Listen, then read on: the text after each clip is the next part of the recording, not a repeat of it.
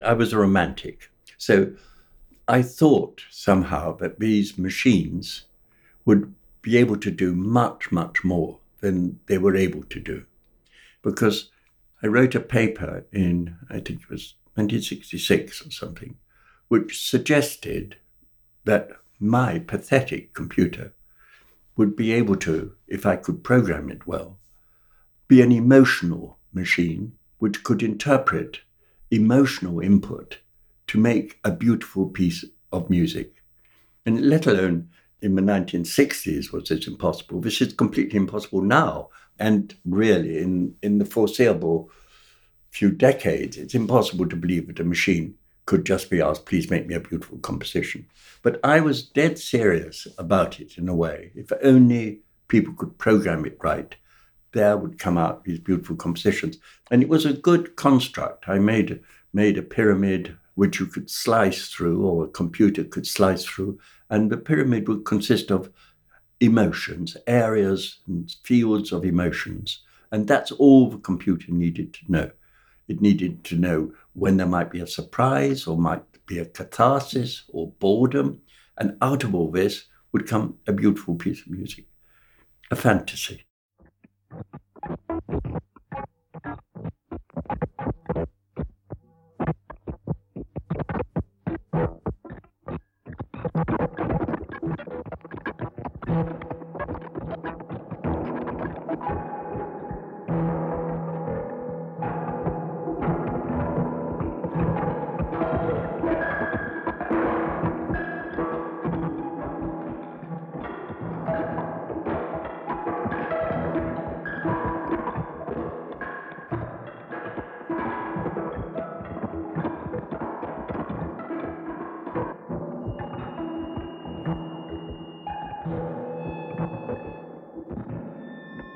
an isolated garden shed overlooking the Thames, the first personal computer in the world, and the romantic vision of creating an emotional music machine.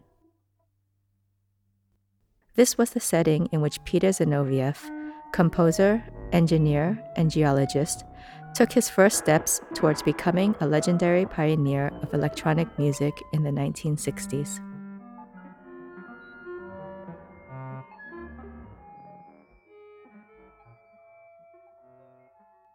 Back then, Zinovieff was busy creating a studio in a private house in London, in which he used a PDP 8 computer to control sound generating equipment. This computer had 4 kilobytes of memory and no hard drive. When he later expanded it with 32 kilobytes, he thought he'd never fill it.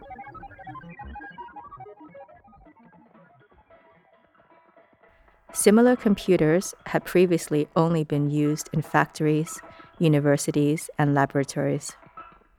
So it is little wonder that Zinovieff's compositions from that period are probing sound experiments and that his studio was so intricate to navigate.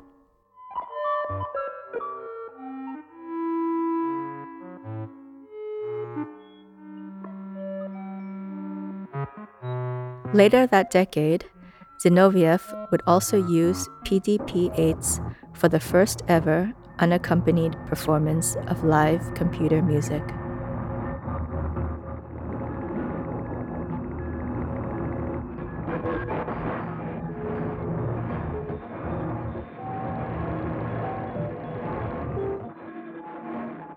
The need to financially sustain this studio would eventually lead Zinovieff to launch EMS with partners David Cockerell and Tristram Cary. A company dedicated to manufacturing portable synthesizers, EMS manufactured the best selling VCS3 as well as other pieces of electronic music equipment.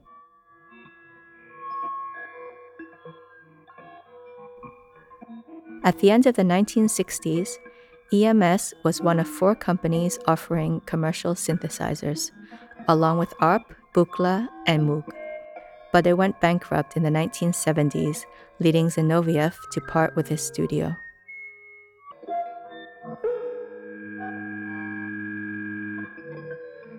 Throughout his career, Zinovieff collaborated mostly with Harrison Birtwistle and Hans Werner Henze, But his work in studio spurred the interest of a myriad of bands, musicians, and composers, from academia to pop stardom, from Ringo Starr to Karlheinz Stockhausen.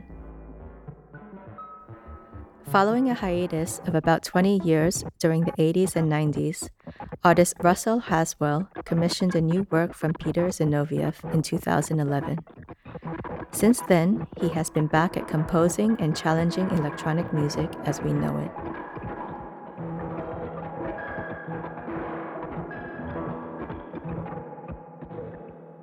In this podcast, Zinovieff talks about how he assembled the world's first personal computer, his time at EMS and the team that accompanied him, and the tribulations of paper tape, about engineering and experimentation how Not to Keep a Sound Archive, about Unit Delta Plus, How to Run a Synthesizer off a Windmill, and How to Kindly Ask a Computer to Make Us a Beautiful Composition. To start at the beginning, I was completely alone in the world. Nobody had ever done anything, in my mind, with electronics um, using electronics for music was completely bizarre. Even instruments like the theremin I'd never heard of. So I was a solo person doing this experimentation because I was married to somebody who had enough money that I didn't have to work.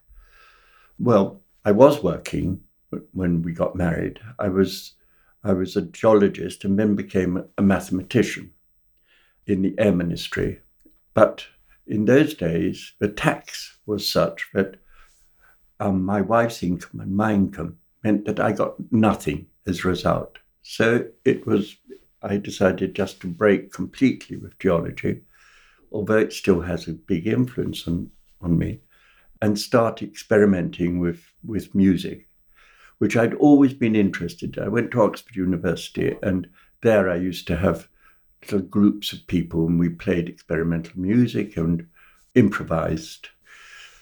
And this was the day where it was possible to get tape recorders and um, machinery, very, very huge, great machinery from the war, very cheaply in shops which specialized in selling ex army, ex air force equipment. And these were huge, bulky machines. So for a few years, I was completely alone and built up this extraordinary sort of laboratory of huge equipment. And it looks, it looks to me now like a miracle that I could have put all of this together. And what for? Because if I compare with the computer and stuff which I've got now, it's just so trivial that it's, and yet it's gigantic. And so I had this, I had a friend build a marvelous studio overlooking the River Thames. And um, so it was, it was a completely brilliant place to think of what I wanted to do. But still, in my mind, there was nobody else in the world. After I'd uh, assembled all of this gear together, I realized that the most single important thing in the future of electronic music was to be able to sequence, order sounds so that they came one after the other without cutting up tape, which was the conventional method of doing. You cut a piece of tape, you add it to another, and you get a sequence of two sounds. But so I thought this must be able to be done electronically. And although I tried, I'm useless at electronics. And by chance, I found David Cockerell, who was an electronics engineer. And um, he wasn't a musician. And at that stage, I didn't know anybody who was who was doing experimental music at all. But I met David Cockerell, who suggested that he could build me voltage controlled apparatus on, on circuit boards and and a sequencer that would sequence events to these circuit boards. And this grew and grew at the same time as my bulky ex army equipment grew. And I developed a very innovative way of connecting these things by putting pins into a matrix board, which became later very important in my synthesizers. But the breakthrough really came when, after David Cockerell had been making me lots of his equipment, he one day said to me, It's no use going on just adding these things, and you can do little sequences, even 25 note sequences or even a 100 note sequence. What you need is a computer. And this gave me a gigantic shock because, in my mind, like in everybody else's mind at that time, a computer, well, big banks might have had computers and perhaps big accountancy things, but no individual had a computer, of course. But David said that Digital Equipment Corporation in America had developed a relatively cheap computer which was to be used for factories for simple robotic process control. And so w- when he said this was cheap, it, it was cheap. It was the equivalent of 4,000 or so euros, which is a fortune now, to 150,000 euros or something. So he said to me, what we need to do is to buy something for 150,000 euros. And I'd been paying him 20 euros or whatever it was. So this was a, a huge intellectual step, as well as I had no idea whatsoever what it looked like, what it could be used for, except it could it could be used for number crunching. I mean, that was all. But he said it wasn't. You know, it was used to deliver one after the other a sequence of, say, voltages which could control my equipment.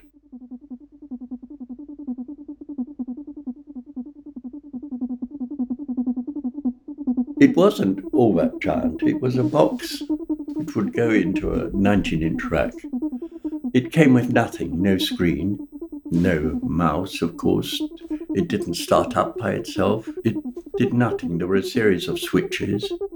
It had a tiny, tiny amount of memory 4,000 bits of memory, 4K, which, um, you know, my memory now in my computer is 64 gigabytes. It had no hard drive. But nevertheless, it was this gigantic leap forward compared to the sequences of making 20 events.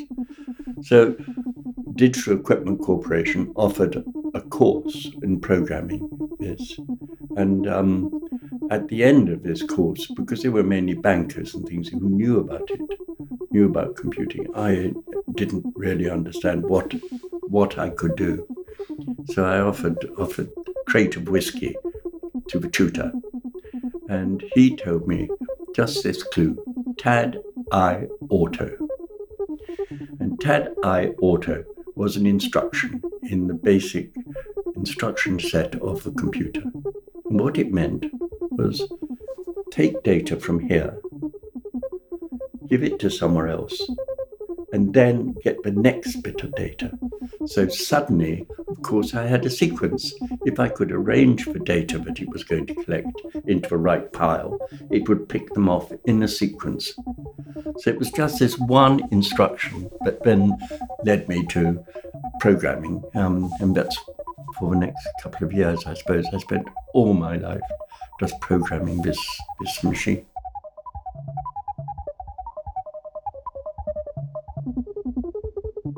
because computers were so rare, I could say, oh, it can do anything because nobody knew if it could or couldn't. I emphasize it all the time this that I had the only computer in a private house. What this really means is that everybody else's computer was was used without thinking of it being a computer. A bank doesn't think, well, I'm using a computer. You get a printout of something or punch cards. But I had a computer which I could program to do anything.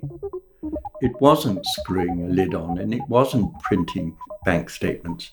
So the fact that I was the only person in the world to have a computer allowed me to be so arrogant. And so now, when I say I was the only person in the world to have a computer with this freedom, I mean, uh, it's, it's amazing I mean, of course, I was the only person. Who else would spend 120,000 euros on a computer? What for?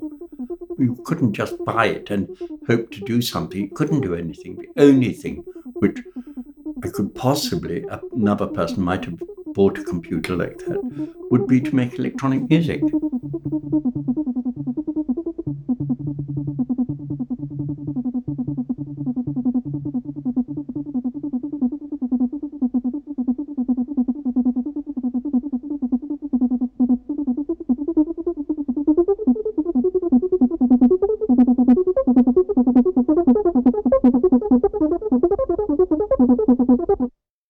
If you take this computer and you want to start, this is how it was at the beginning. You turned a switch and a number of lights came on. Then you put in, uh, with a number of switches at the bottom of the computer, a sequence. You put in about 20 numbers. And that, those 20 numbers, programmed the computer to read a piece of paper tape. So when it had read that rather short piece of paper tape, perhaps some three or four meters long, then it was ready to read a longer piece of paper tape from a teletype, which had a keyboard and a paper tape input and output. Then it was sort of waiting with lights blinking, and it was waiting for the longer tape. The longer tape was to load the operating system, which was called POW. When that was loaded, you were able to put in instructions either by paper tape or by typing in the keyboard. So the first big move was to get a fast paper tape reader because the old ones worked at 10 characters a second. but the fast ones went. so although that was marvelous, it didn't um, mean the process of making the paper tape was any faster. The programming was en- enormously laborious. It was basically in machine code, um, assembly language, with a relatively few instructions consisting of getting data, putting data, jumping to somewhere else, and a few jumps allowed you to have subroutines, small subroutines. But remember that the total memory was only 4,000. So at one point, the 4,000, which seemed enormous, we said we're going to invest the same money again in a hard drive. And this was 32,000. And it was another gigantic thing. We thought we'd never fill it with data. And of course, it was filled the first day. And it was about this time but I realized that going solo would be completely impossible. Once we had this um, sort of industrial type thing costing this huge amount of money, I decided that maybe we could um, make machines because by this time electronic music was becoming of interest. We could make machines for sound synthesis and make a company and make money to power the studio.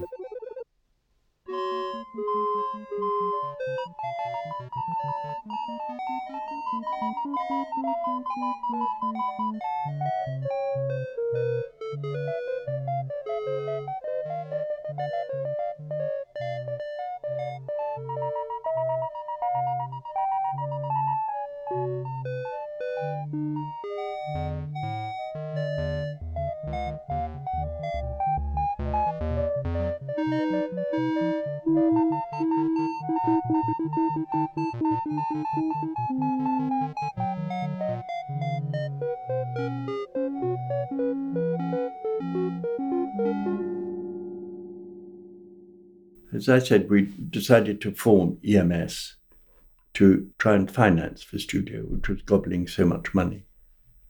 And also, my marriage wasn't going very well.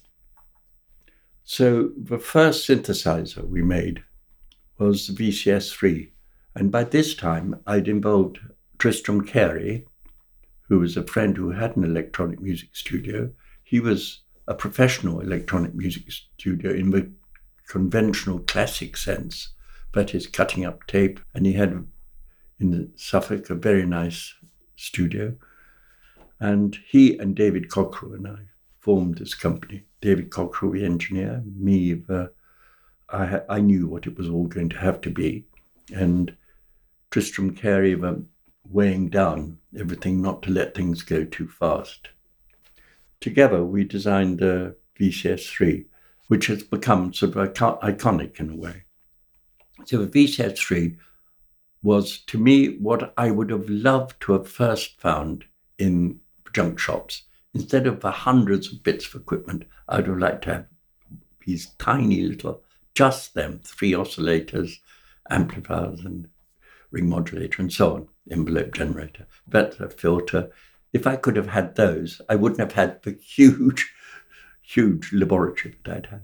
So that was the parts. David Cockerell had to think with genius of how these parts could be put together in a few circuit boards and and then Tristram Cary, the person who was most used to actually working with electronic music, making it, making it for films and for everyday things to earn money, he designed the box as being the most ergonomic.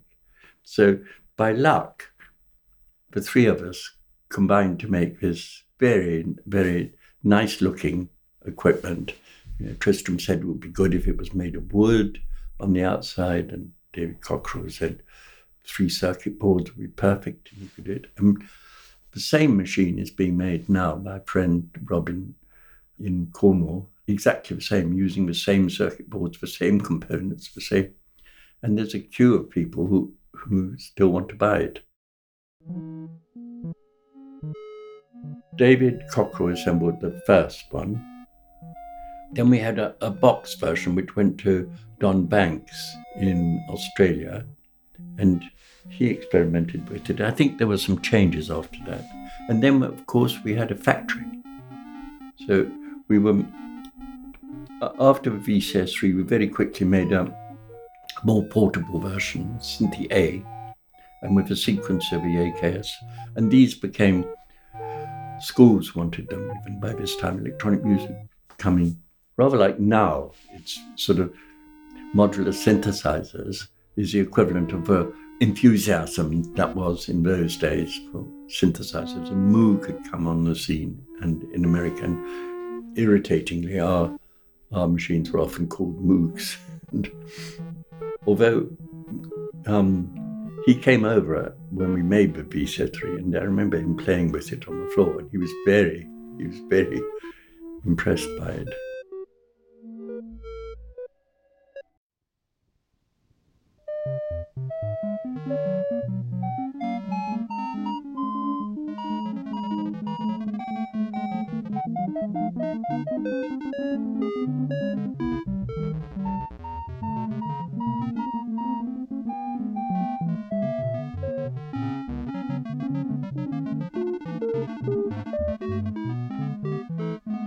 The last um, 10 years or 20 years, I suppose, I've, people have asked me about EMS, and I've always, until recently, forgotten what we called the listening room. And um, the listening room was because the studio, with its computers and its hard drive and whatever, was noisy. It was noisy, and it the tape recorders made noise, and it, and in the end, we had we had digital tapes. And so I built through the door on one side this marvelous place. We had electric curtains which could close.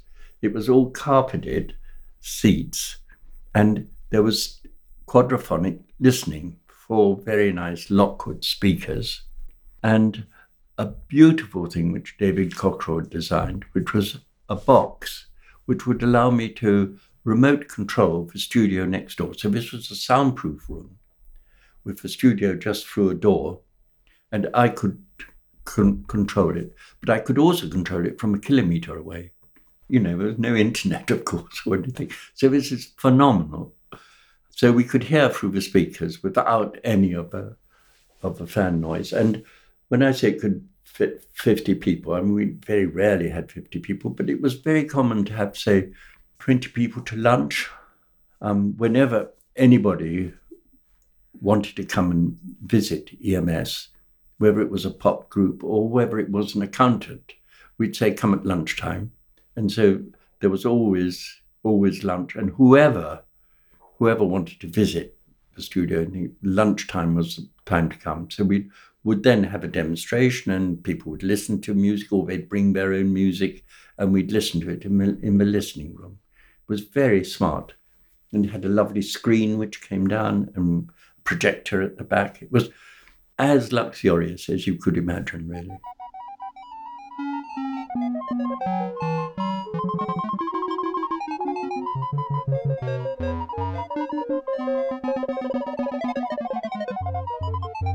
Part of doing these projects is to share them. And the only way to share the music is, is at a concert. I thought it would be very good that in Britain there would be electronic music concerts. So in conjunction with a music society, we had the Queen Elizabeth Hall, which is next to the festival hall. And um, remember, it cost £1,300, and there were 1,300 people who could go to it. And so we advertised it by putting stickers on the underground and lots, but we got a lot of different composers' pieces to play, but mainly mainly made in EMS. And I thought, well, here is this computer rack. Can we get it to not so much um, interpret my tetrahedron, but at least do something on its own? I programmed it using random number generators and using the random number generator was very important to me, that we could randomize events because it was only by having proper random numbers that you could ever get any further in this artificial intelligence. It had to, you had to have a good randomness which wasn't related to sort of preconceptions or any human interference or anything. And so we used used my um, a Geiger counter with my with my luminous watch to derive the numbers. Anyway, I thought this self-contained rack had the computer.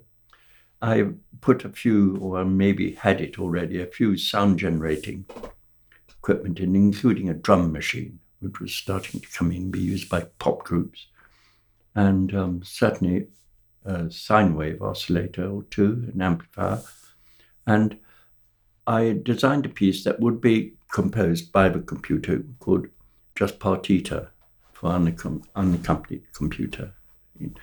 So we lugged this thing to the Queen Elizabeth Hall in the van, got it there, and this new archive stuff, which I told you about, it's got wonderful photographs of people waiting to come into the hall. It was completely full up. It was a wonderful success in that the hall was full. Who would have thought in those days that a thousand or more people would come to an electronic music concert in in London. And then it was announced, Tristram Cary at the top in a, one of the boxes announced this was completely for unaccompanied computer. And I, with a friend, set it up. We walked off the stage and it played for I don't know how long, 10 minutes or something. And I didn't know what it was going to do. Nobody did. I mean, I did within, you know, I would have recognized whatever it did. And then it got it got very good reviews because a lot of people said this music is terrible. and that pleased me enormously. You know, it was music, first of all, and like never ending Webern. Well, what could be better for me than compared to Webern? I mean, you know, if somebody had said this is like a bad Mozart concerto, bravo. So anyway, it was, I think, a huge, huge step in artificial intelligence for music. It was alone in the computer, wasn't attached to anybody. Brilliant.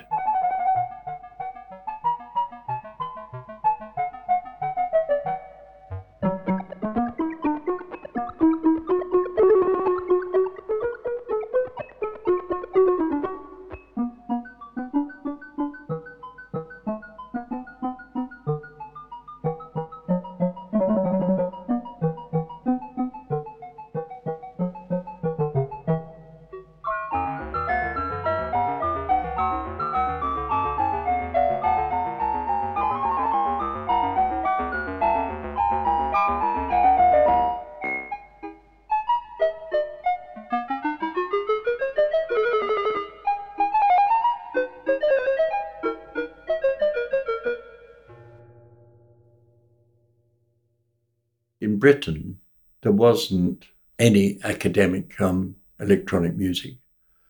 I mean, even when, when, when I went to live in Cambridge, I then taught acoustics at Cambridge University and set up an electronic music studio for them then. But that was all at Cambridge University. We hadn't had an electronic music studio. So there wasn't, in Britain, at those times, there wasn't, wasn't electronic music. It only began in universities when we started to buy VCS3s and things. So there wasn't an academic thing. And I wasn't in the league of Music 5, that sort of academic music programming. I was doing practical control. So that was a, quite a bit later with Groove. And it was enough to talk about it. And we had we had completely different different ways of working, Mathews and I, completely. And he wasn't really working like a practical music making studio. He wasn't. He was an academic institution, well, a research institution. After all, it was the beginning of synthesizers, and it was synthesizers which allowed electronic music to flourish. You know, there weren't any David Cockerells that I knew of making computer controlled devices anywhere in the world. And in any case, I knew I knew that um, what I was doing was the most advanced. And there wasn't any time to start writing academic papers because, as I said, tomorrow there was this fantastic new bit of machinery arriving, or it was thrilling, completely exciting every moment of the day.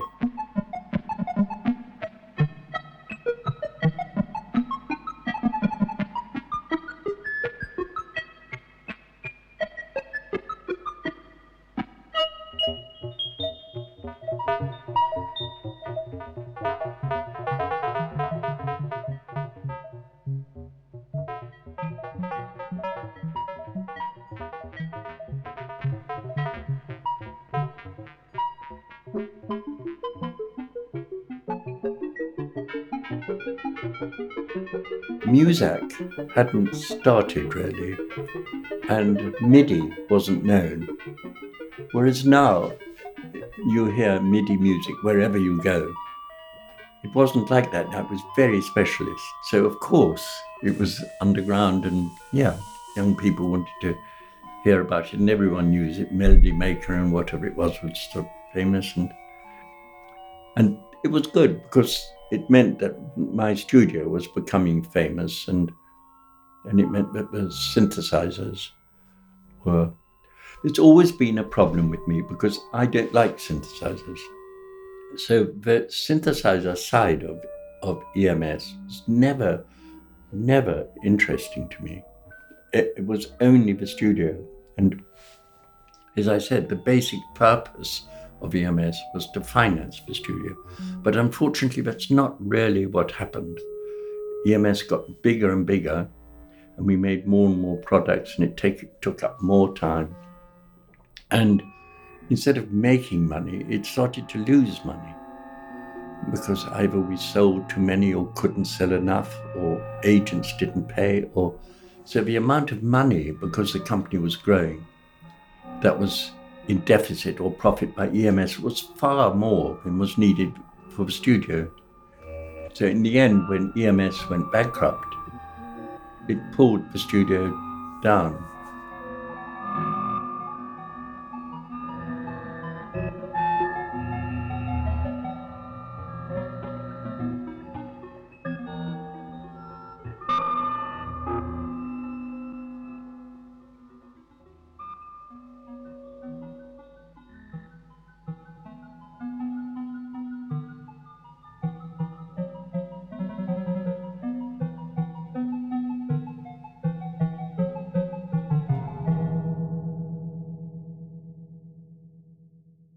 We never thought that EMS or, or the studio could make money.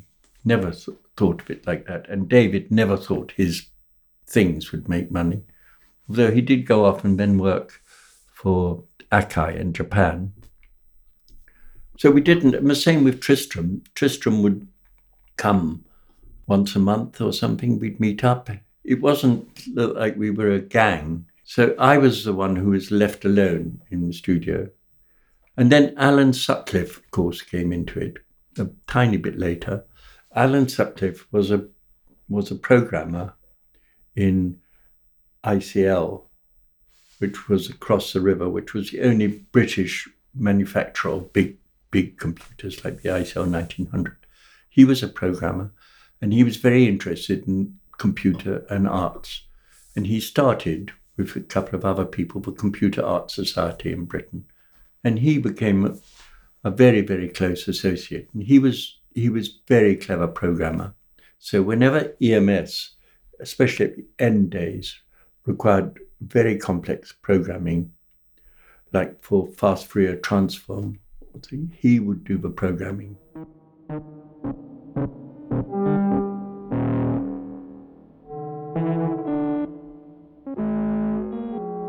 The thing of programming the computer in those days was typing in bits of code through this heavy keyboard and then letting the assembly language do it to see if there were some mistakes. Then I would test it. There would always be mistakes. And so 95% of my time was spent in correcting and perfecting these tiny little subroutines which I was able to develop to control these things. And it took such an inordinate amount of time that I think nobody else realized how intricate and difficult it was. I mean, for instance, David Cockerell would come with a piece of equipment. He'd say, Here is the piece of equipment. Here are three codes which will control it. One will say, Are you awake? One will say, Okay, you're awake, here's the data. And one will say, That's enough. And that's all. So he gave me three codes. And then I had to make sense of these three codes. And I think that he was very fast at developing things and building them. And, and I know he stayed up all night doing it. But I think it would take me 10 times longer to do the programming for it, to tame it for computer. And this was never really realized. I mean, people, for instance, at Unit Delta Plus would have thought, all right, I can just spend five minutes in saying, well, let's let's have jingles coming out. So the programming was very slow, very cumbersome, and very difficult.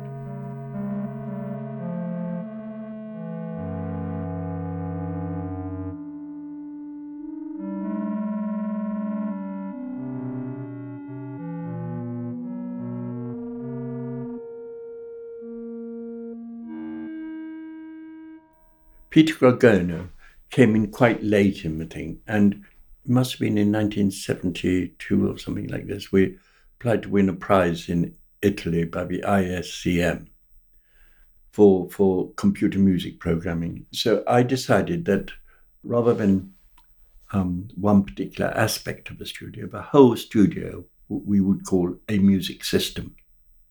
And Peter Grogono, using the assembly language which I'd been using up to then increased its facilities and to allow subroutines, really big subroutines.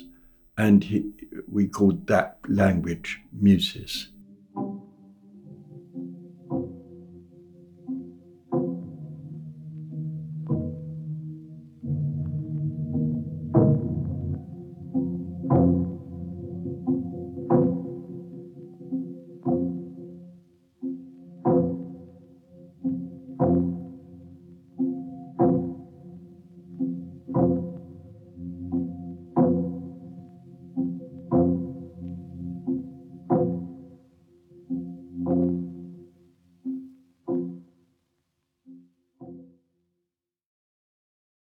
Unit Delta Plus did nothing. Brian Hodgson and Delia could not cope with my studio. You know, they were used to the BBC, um, nice tape machines and, and VCS3s or whatever it was, and sound effects. And, and they could not make the jump. In fact, n- nobody could make the jump, and nobody else worked my machinery except me. And that's because it was incredibly difficult to do so. In a way, it's rather like my modern computer. I don't think that, however well people know the programs I, I use, like Reaper or Notion or whatever it is, that they would be able to get into the way in which I use my standard computer now because it's very, very intricate how I've mixed all the things together. It's whereas in those days it was more than just having a keyboard, a keyboard and a and a display. There was no display, so it all had to be in your head. There was nothing to help you. There was no sort of list of what you had to do to make a sound. It was impossible for other people. So when two people from a radiophonic workshop in London, Brian Hodgson and Delia Derbyshire, came to me and said, What about joining forces and we'll make a company together to make commercial music using your fantastic, powerful computer? I thought, well, this is an honor that the BBC uh, actually joining forces. The BBC was sort of, in a way, the heroes with their radiophonic workshop.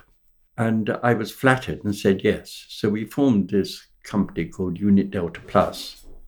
And as I say, it did not succeed because the assumption, I think, by both Delia and Brian was that they could, for instance, sit comfortably at my chair at the computer and make some other music which would be commercially viable. And that just didn't work because only I could control the computer.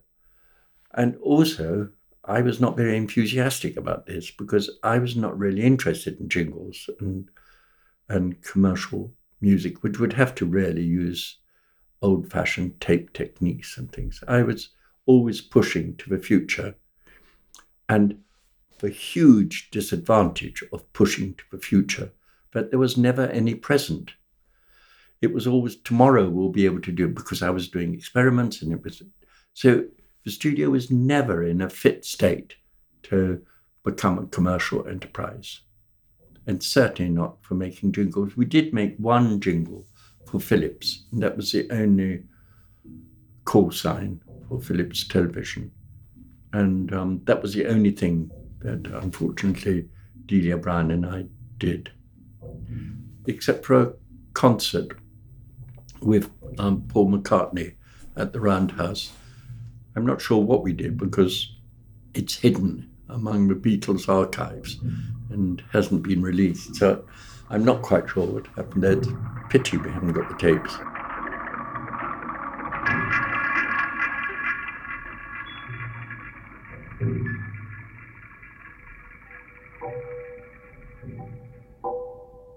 I, d- I did do a few pieces. It's my own composition. and then several people came to work there in the studio, and I'd guide them through it. And but there were remarkably few.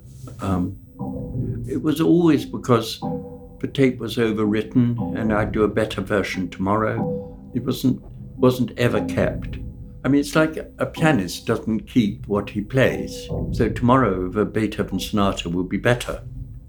So people said, "Well, where's where's your previous playing of this? And We'd say no.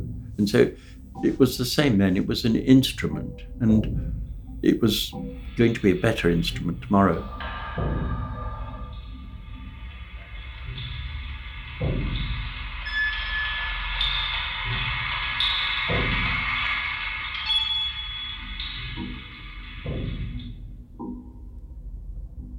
So, very few pieces. One was Chronometer, Harrison Birtwistle, which was supposedly entirely, entirely by computer control from pre-recordings of clocks.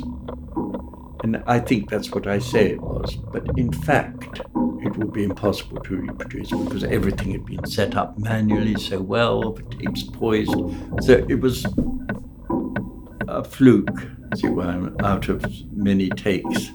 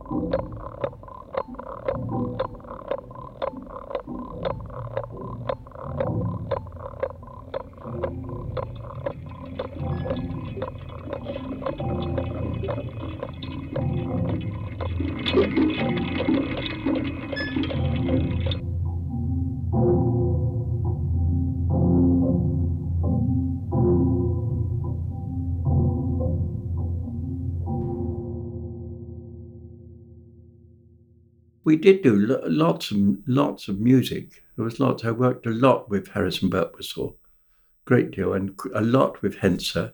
With Birtwistle, I must have done at least 10 compositions, and with Henze, at least six important ones. Like the most important one, probably with Henze, was, was Tristan, which was a piano concerto. It was performed quite often, and like, nicely he dedicated it to me, and there's good recordings of it. A contradiction in terms.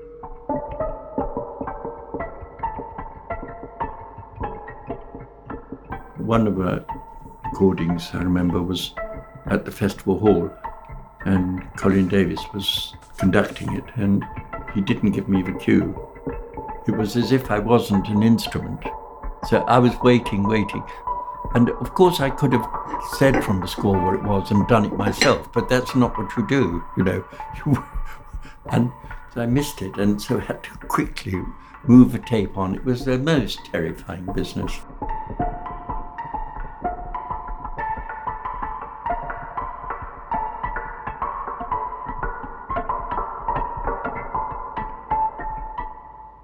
certainty equals inconsistency. The documentation of the studio is very thorough, but it's like a fossil. It's so thorough. I mean, nobody else could describe what we were doing except me. I mean, you could couldn't find anybody else who'd worked in the studio or who knew about the studio. Tristram is dead. David didn't know the studio. I mean, David, David Cockerell made these devices, but he had nothing to do with how I assembled the studio. I mean, it was, it was only me, and that's what makes it more remarkable for me. Looking back on it, how could I do do that? And especially as now I'm working in the same media with these fantastically powerful sort of programs, and I read read in the paper a couple of days ago, but there are 37 trillion cells in a human body. A cell is quite a big thing. It's got skin. It's it's got a lot. Lots happen in a cell, and there are 37 trillion, which is about the same number as my hard drive. I've got about 37 trillion bits of space as opposed to 4,000. So it, it's, you know, 37 terabytes data is it's a terrible lot.